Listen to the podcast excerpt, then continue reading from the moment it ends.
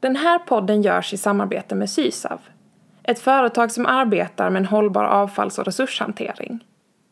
Sysav verkar för ett samhälle med cirkulära flöden, hållbar produktion och konsumtion, där onödigt avfall inte uppstår. Ett samhälle där fler människor delar, lagar, byter och lånar. Vill du ha inspiration och tips för ett hållbarare liv? Följ Sysav på Instagram.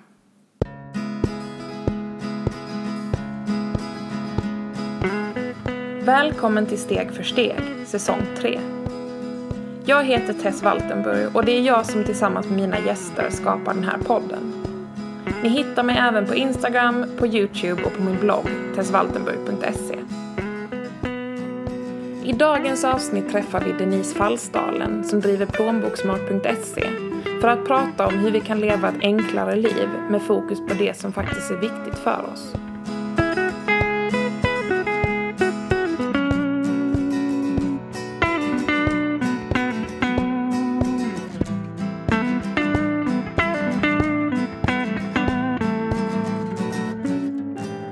Du lyssnar på Steg för steg, en podcast med inspiration för ett mer hållbart liv. Vill du börja med att berätta lite om dig själv? Mm. Det kan jag göra. Det är alltid en sån här svår fråga. Ja, man ska precis. berätta om hur gammal man är, hur många barn man har och vad man jobbar med. Mm. Eh, Men eh, jag är en småbarnsmamma som försöker hitta rätt i livet och har hållit på med det några år nu. Bytt jobb lite grann för att försöka hitta min tillvaro.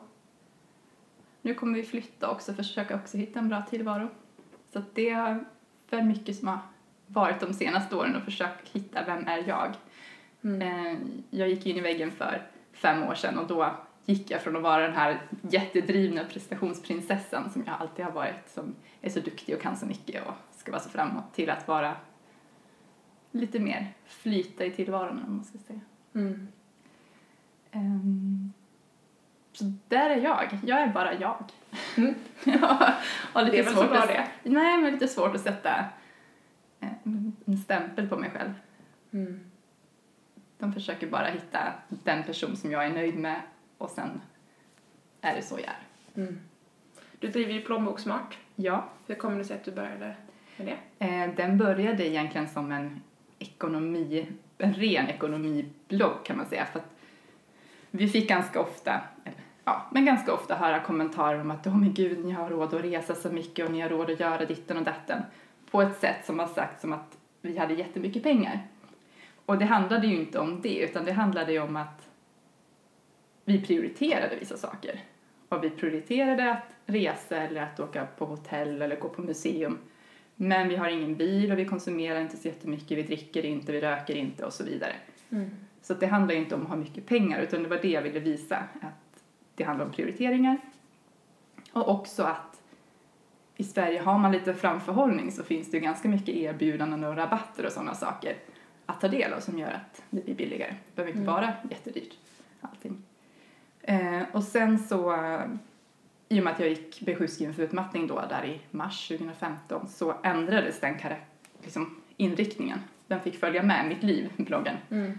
Namnet finns ju kvar men det är inte riktigt den typen som det var från början.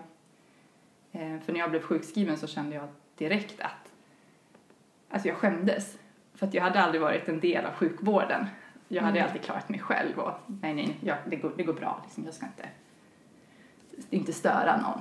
Jag vet när jag var gravid med, första, med min son och precis på förlossningen där så kommer jag ihåg att de gick före och de bara, men går det bra? Jag bara, nej, nej, det går, tänk inte på mig, gå före ni bara, det är ingen fara, det är lugnt. Mm. Och sen visade det sig att han var på väg ut liksom. Så Mm. att, men så var jag då. Ehm, och därför blev det så här, jaha, nu är jag sjukskriven för att jag är trött. Vad är det för någonting? Är det huvudsakligen en sjukdom? Så att jag skämdes för det, tyckte att det var konstigt, visste inte vad jag skulle ta vägen. Visste ju inte vad utmattning var för någonting. För jag kände ju ingen i min närhet och man pratade inte så mycket om det. Men jag förstod att jag kommer ju aldrig bli frisk om inte jag börjar få hjälp. Så att jag började skriva om hur jag kände och hur jag tänkte och hur jag mådde och med och motgångar och sådär. Ehm, och ju mer jag skrev, ju mer stöd fick jag från följare. Att det dök upp människor som också kände samma sak men inte vågade berätta. Så att de också skämdes. Eller sådana som hade varit med om samma sak. Eller snarare kanske var på väg dit men fick sin tankeställare. Eller bara personer som kunde säga att tjoho, du är bra som du är, du behöver inte prestera eller vara någon duktig flicka eller någonting utan du är bra som du är. Och allt det här liksom tillsammans mm. gjorde att det ändrade inriktning lite grann mot att försöka hitta vem ska jag vara nu. Mm. Um, och sen när jag var hemma och var sjukskriven så började jag rensa ut hemma. Och på den, det spåret blev att jag mer, mer och mer hållbart. Eh, liksom att det blev en hållbar blogg, eller man ska säga. Mm. För jag satt hemma i min soffa och kände att alla saker som vi hade, vi bodde ju inte i ett rörigt hem, utan men att det tog så mycket energi. Bara att det fanns saker omkring mig, att jag visste att det fanns saker i källaren, att det fanns saker i lådorna. Det tog liksom energi, så jag började rensa ut. Jag har gått igenom varenda liten låda som jag har hemma mm. och slängt och skänkt och sålt hur mycket som helst. Och ju mer jag gjorde det, ju mer insåg jag att vilket otroligt överflöd vi lever i. För att det var ju inte så att det var fel på sakerna, de bara ingenting för mig. Mm. Eller vi behövde dem inte. Eh, och då fick jag ju också upp ögonen för second hand, för jag tänkte om jag har allt det här så måste det finnas massor med människor som också har det. Eh, och även så med kemikalier, när vi kom till städskåpet så började man titta på de här grejerna. För det första, hur mycket städprodukter kan man behöva ha? Mm, inte så mycket.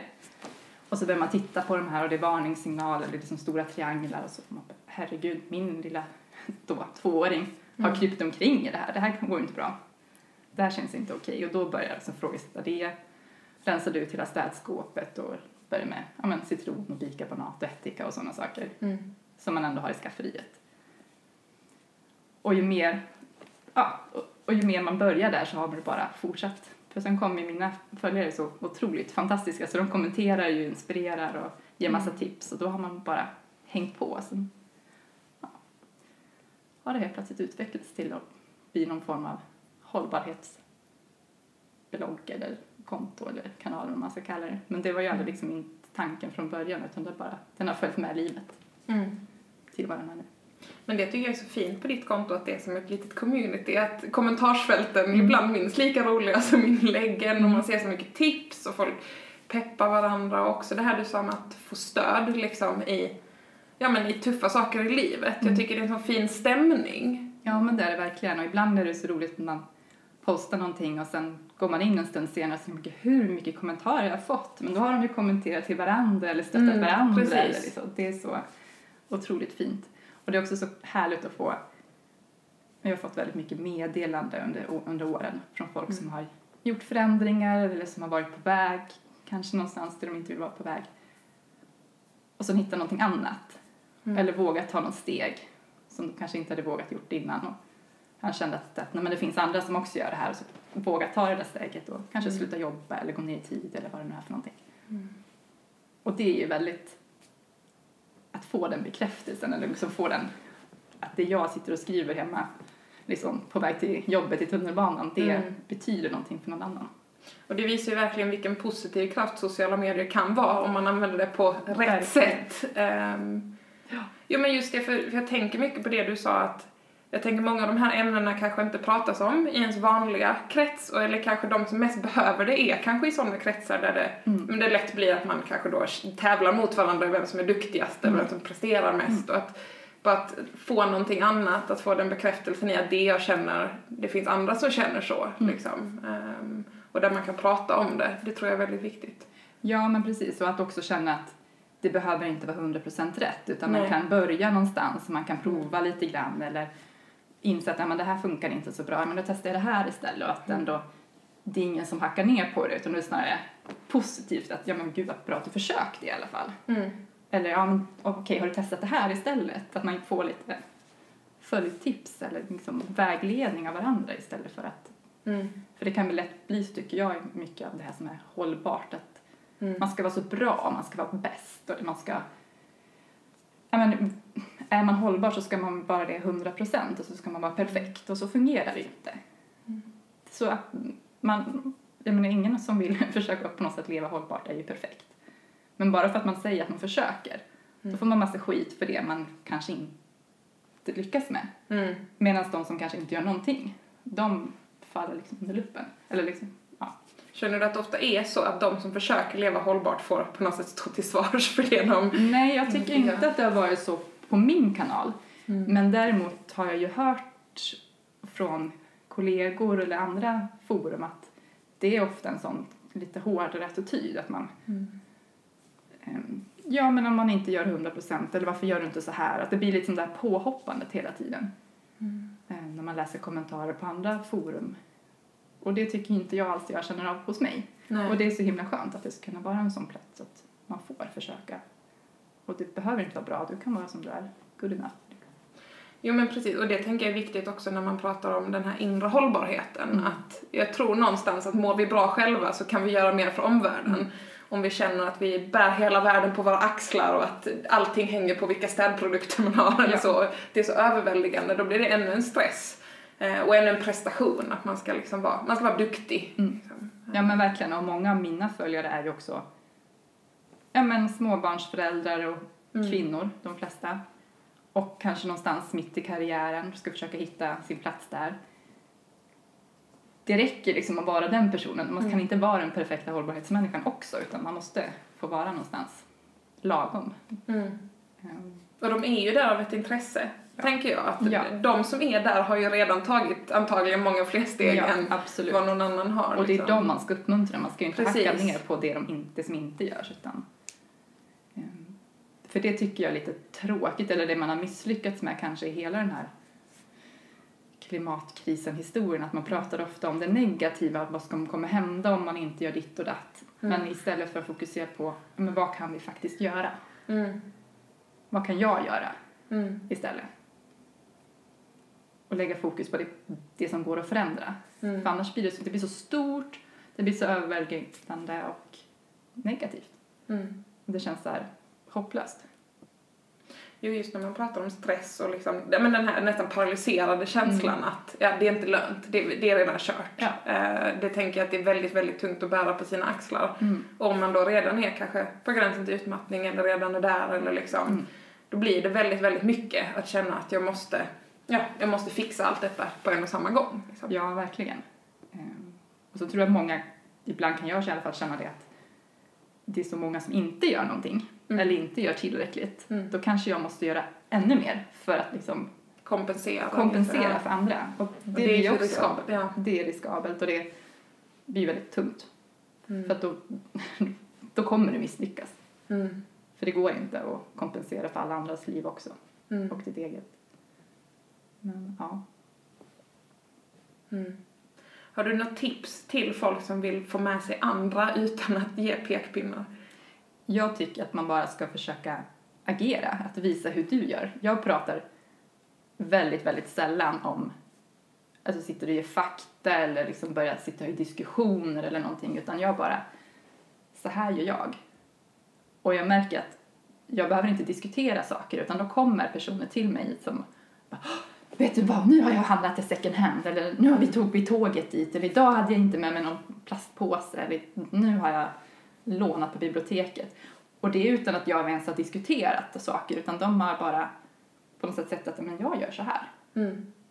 Då vill de också, alltså, att man förmedlar någonting. Man behöver inte sitta och diskutera för då är det lätt att man hamnar i ja, men det här typiska, om vi ska hårdra det, klimatförnekare mot de som inte Mm.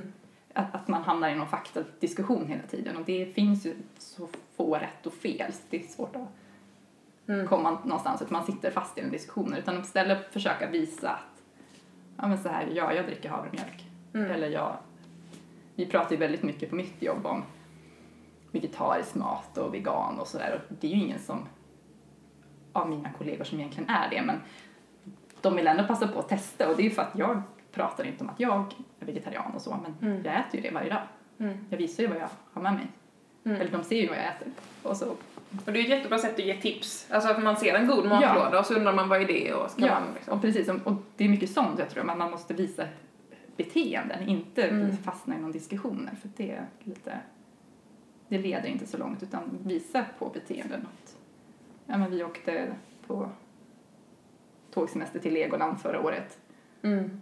Och det var också, jag gick ju inte in med pekpinnar och tyckte att folk var tokiga som flög utan det är mer som att vi har valt att göra så här Mm. och det funkar. Mm. Och då vet, märker man att det kommer med andra människor som bara, ja, men nu, nu tog vi tåget hit istället för, eller gjorde det, eller ja, Mm. tänkte på ett annat sätt.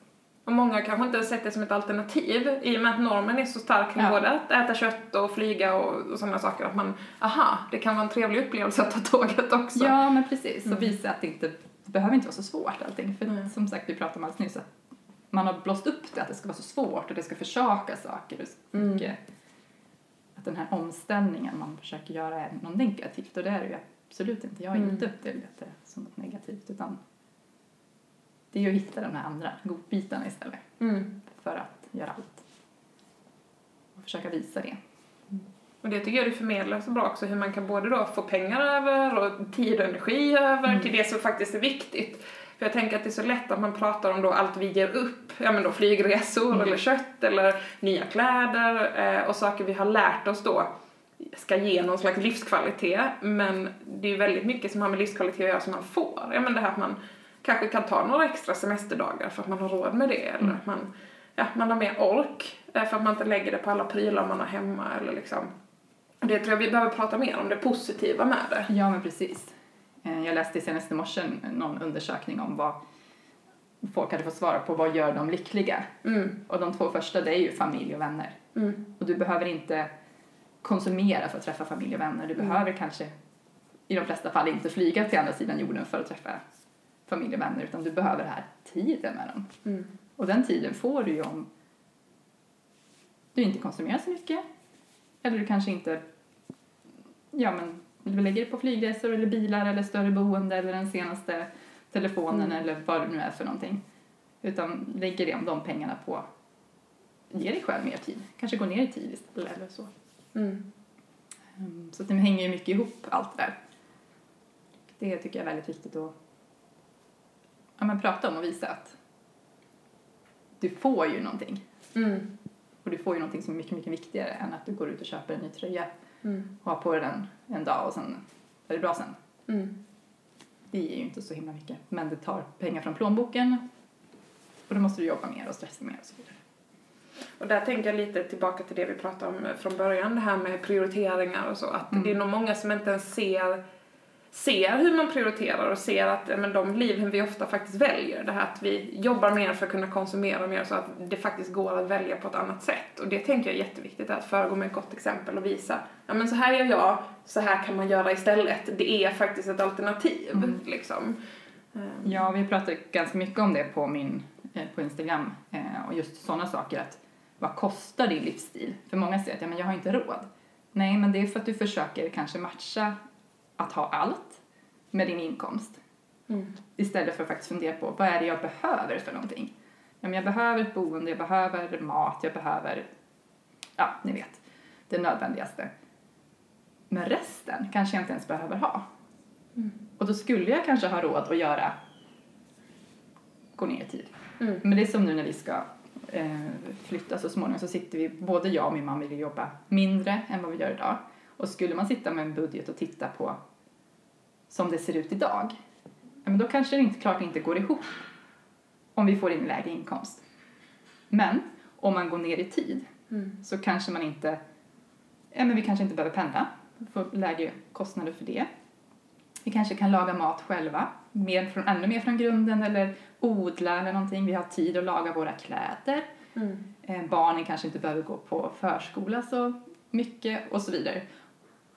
Så då får man ju pengar över där. Så man måste ju verkligen sätta sig och titta på ekonomin utifrån hur vill jag leva? Inte vad har jag för inkomst eller hur ser samhället ut eller Mm. vad ska man lägga pengar på? Utan hur vill jag leva och vad skulle det kosta mig? Mm. Och så får man börja i den änden när man gör, tittar Mm. på sin ekonomi. Och då kanske det räcker till, Mm. fast när du jobbar mindre. Och där Eller ser man ju också tydligt hur ekonomi och hållbarhet kan gå ihop. Alltså det här, Ja. det du tog upp, att man har tid att laga sina kläder, man har tid att laga mat från grunden. För det vet jag ju många, men jag har inte tid att laga mat. Jag, jag hade en kompis som, ja men jag köper hämtmat då för flera tusen i månaden. Mm. Och då är jag bara, ja men det kanske är då förändrad arbetstid. Och det betyder inte att du kanske från vecka till vecka kan bestämma hur mycket du vill jobba, men på längre sikt Mm. kanske man kan sätta sig ner och bara, okej, behöver jag jobba heltid i min situation? Eller kan jag som sagt gå ner i arbetstid men laga mer mat från grunden och konsumera mindre. Liksom. Ja men precis, för hur många timmars arbete är inte de där tusenlapparna? Det är Precis. ganska mycket som du måste arbeta Mm. istället. Men det är lätt att inte tänka så utan man bara kör på för att, Mm. ehm, ja, för att det ser ut så. Vi ska ha ett heltidsjobb och vi ska eventuellt få jobba deltid tills barnen är en viss ålder. Men annars är det liksom heltid som är normen och då ska man hinna med hela livet och det är klart att tiden inte räcker till. Mm. Och man både ska lappa och laga och laga mat och odla och allt vad det är. Mm. Men det är kanske där vi måste behöva svänga lite grann. Att det kanske inte är heltid som behöver vara normen.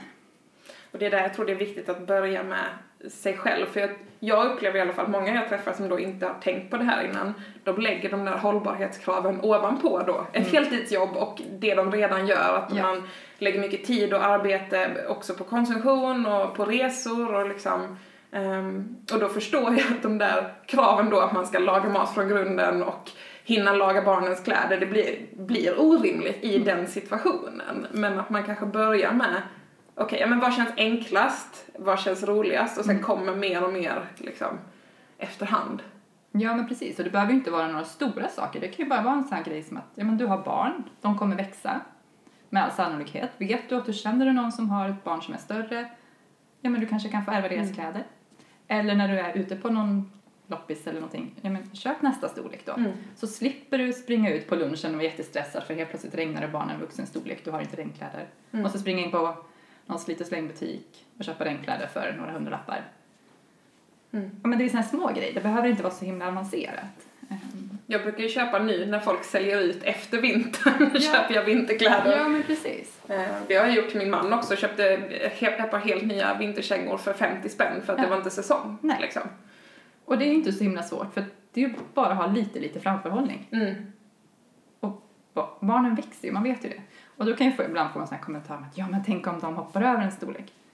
Mm. Ja, men om du nu har köpt ett par regnkläder för 50 kronor på second hand och de hoppar över den storleken, skänk det vidare då. Mm. Det är i alla fall bättre än att det köpte nyproducerats, massa Mm. resurser har gått åt till att producera de här och sen har du lagt massa hundralappar i onödan. Mm.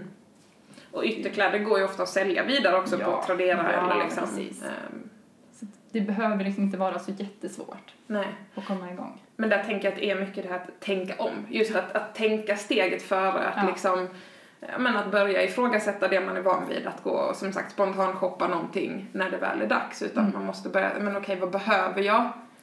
Liksom vad behöver jag göra för att få till den här omställningen Mm. liksom? Ehm, Ja men verkligen och det är ju väldigt kopplat tycker jag till ekonomi just det här att istället för att titta men jag har den här inkomsten idag, vad kan, hur mycket kan jag få ut för den? Mm. Så titta men jag vill leva så här, vad behöver jag mm, för att matcha? Och Mm. så går liksom andra vägen. Och börja beta av det där som man inte behöver eller måste eller mm. Men jag tycker också, jag tycker det är intressant för att jag tycker också man börjar prata mer om ekonomi, för liksom när jag växte upp så pratade man inte heller om det. Eh, Man fick inte lära sig det i skolan och, och det har jag alltid tyckt var väldigt intressant för jag har fått med mig mycket hemifrån. Men många av mina vänner har liksom aldrig pratat om det. Upplever du att det har förändrats liksom sen när du började skriva på plånboksmart? Mm, Ja, nej men just det där som du pratade om nu, att man inte riktigt lär sig privatekonomi. Man lär sig Mm. kanske, men det är ju bara att titta på alla de som hamnar i, hamnar i konsumtionslån. Det är ju ofta Mm. unga. Eh, för att de har inte lärt sig, de vet inte hur det fungerar. Och så går du ut med ett kreditkort, ja, men det är klart att du hamnar någonstans med de här. Eh, men jag upplever att fler och fler börjar prata ekonomi och att de även pratar det är inte tabu att prata sparande och sådär. Förut har det ju Mm. varit det också, att man, man lite det här jantelagen, man får inte säga att man har en, ett stort sparande eller att man har pengar på kontot utan det är liksom lite, har varit lite om man har varit som i en vad ska man säga, hållbarhet eller Ehm, Alltså det är en sak om du, om du är en person på Stureplan, då kanske du Mm. skryter om att du har en stor, nu vet- känner inte jag sådana, men, men förstår vad jag menar? Nej, men jag då förstår. kanske ibland Mm. ja men gud jag har en jättestor förmögenhet. Mm. Men när man inte är det, då ska man liksom inte riktigt prata om att man har pengar på kontot. Mm. Ehm, Och det är ju ganska intressant för att det kan jag tänka, jag har ju shoppat väldigt mycket då historiskt sett och det ses ju inte ner på. Det är ju ganska intressant för att egentligen om jag hade sparat alla de pengarna hade jag haft väldigt mycket större sparande idag. Ja. Eh, och det är intressant när man pratar om Jante att vissa saker verkar vara okej. Det verkar vara mer okej på något sätt att konsumera över sina tillgångar än att säga att man har sparat det. Ja, liksom. ja men så är det verkligen. Det upplever jag. Och, men det tycker jag har ändrats lite grann. Mm. Eller i alla fall att fler och fler, det tycker jag man ser på till exempel Instagram, att fler och fler konton börjar prata om det. Att man pratar om sitt sparande och man pratar om att man har ett mål, sparar, drömmar om någonting och så. Mm. Ehm, och att det mer är okej. Mm. Ehm, att det inte... Och att det har blivit lite mer fonder och aktier, det är, det är för vem som helst. Förut Mm. har ju det också varit det man måste gå till banken eller det är de här vissa personer som kan aktier. Men nu, Mm. vem som helst kan faktiskt spara i aktier eller fonder. Och det är inte så svårt, man måste bara komma igång. Mm. Och det tycker jag man märker framförallt bland ja, men, kvinnor Mm. som kanske har tyckt att det har varit jättesvårt. Mm. Att de vågar prova lite grann. Och jag brukar säga, men om du har råd att gå ut och köpa en lunch en gång i veckan som ändå försvinner, ja, men då kan du ju gå och köpa en aktie för 100 kronor. Det finns ju aktier för den. Mm. Och så skulle det gå åt 17, ja men då har du inte förlorat mer än vad du hade förlorat på den där lunchen eller den där tröjan. Mm. Precis. Men går det bra, ja men då har du ju det har ökat i värde istället. Jag hörde någon som berättade det, som, som också hade shoppat väldigt mycket och som hade börjat med det att om hon la saker i varukorgen i en webbshop så köpte hon inte det utan så la hon då in de pengarna på sitt aktiekonto och spontant köpte aktier istället för att hon kände det att ja men det är ändå pengar jag är beredd att slänga bort. Ja. Ehm, och då kan jag ändå testa mig fram med dem. Mm. Ehm, för det känns liksom som att många har ju varit rädda för det för att det är en risk och det, det är det ju fortfarande men att man inser att de här pengarna som jag ja, men lägger på då eh, liksom fast fashion-kedjor eller luncher eller sånt, det får ju garanterat inte tillbaka. Ehm, så då är det ändå pengar jag skulle kunna ja, testa mig fram. Ja, men precis. Och sen är det ju inte så svårt. Jag tror att många i bankbranschen kanske har velat, eller finansbranschen, har lyft, att det ska vara lite svårt. Det ska vara lite så här Mm. svårare tillgängligt och så, men det är ju inte det nu. Och det kostar inte jättemycket och courtagen är inte höga och sådär. Så att vem som helst kan egentligen prova. Mm. Och du behöver inte ha en förmögenhet, för det var ju någonting som man sa, att man måste ha väldigt mycket pengar om man ska börja satsa i aktier. Nej, inte för att prova. Mm. Och du kommer aldrig få de där pengarna om du aldrig börjar någonstans. Så att, Mm. nej. Och, och det tycker jag märker ett större intresse att eh, folk vill göra lite mer. Mm. Prova lite mer och ta hand om sin egen ekonomi och inte bara ja, följa med. Det är ju också kul tycker jag att det börjar pratas mer och mer om hållbara investeringar. Att man Mm. ändå känner att, för det, jag har känt det i alla fall att det i alla fall symboliskt känns som ett sätt att göra mer skillnad än bara då i sitt lilla individuella liv. Mm. Eh, att man känner att ja, men jag, jag kan ju ändå välja var jag placerar mina pensionspengar eller vad jag Mm. väljer att spara i. Vill jag investera i framtiden liksom? Även om det är småsummor från mitt, mitt håll men att jag kan känna att jag är en del av någonting större. Liksom. Att vi är inte bara individer, vi också, ja vi skapar den här världen vi är en del av liksom. Ja, men precis. Och läste Naturskyddsföreningen har ju pratat mycket om det här med pensioner och så. Och om du väljer att placera dina pensionspengar i någonting hållbart och inte i fossil med bränslen och sådana saker så påverkar det mer än om du skulle sluta konsumera eller flyga eller äta kött till exempel. Mm. Och, och det här är ju pengar som alla har. Mm. Så det är klart att vi måste ta reda på vart de placeras någonstans och så flytta på dem.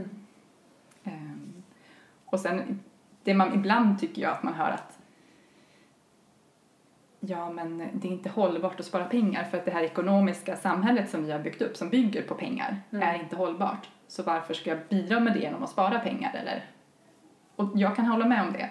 Samtidigt som att vi måste någonstans acceptera att just nu lever vi i en värld som är beroende av ekonomi Mm. och pengar. Mm.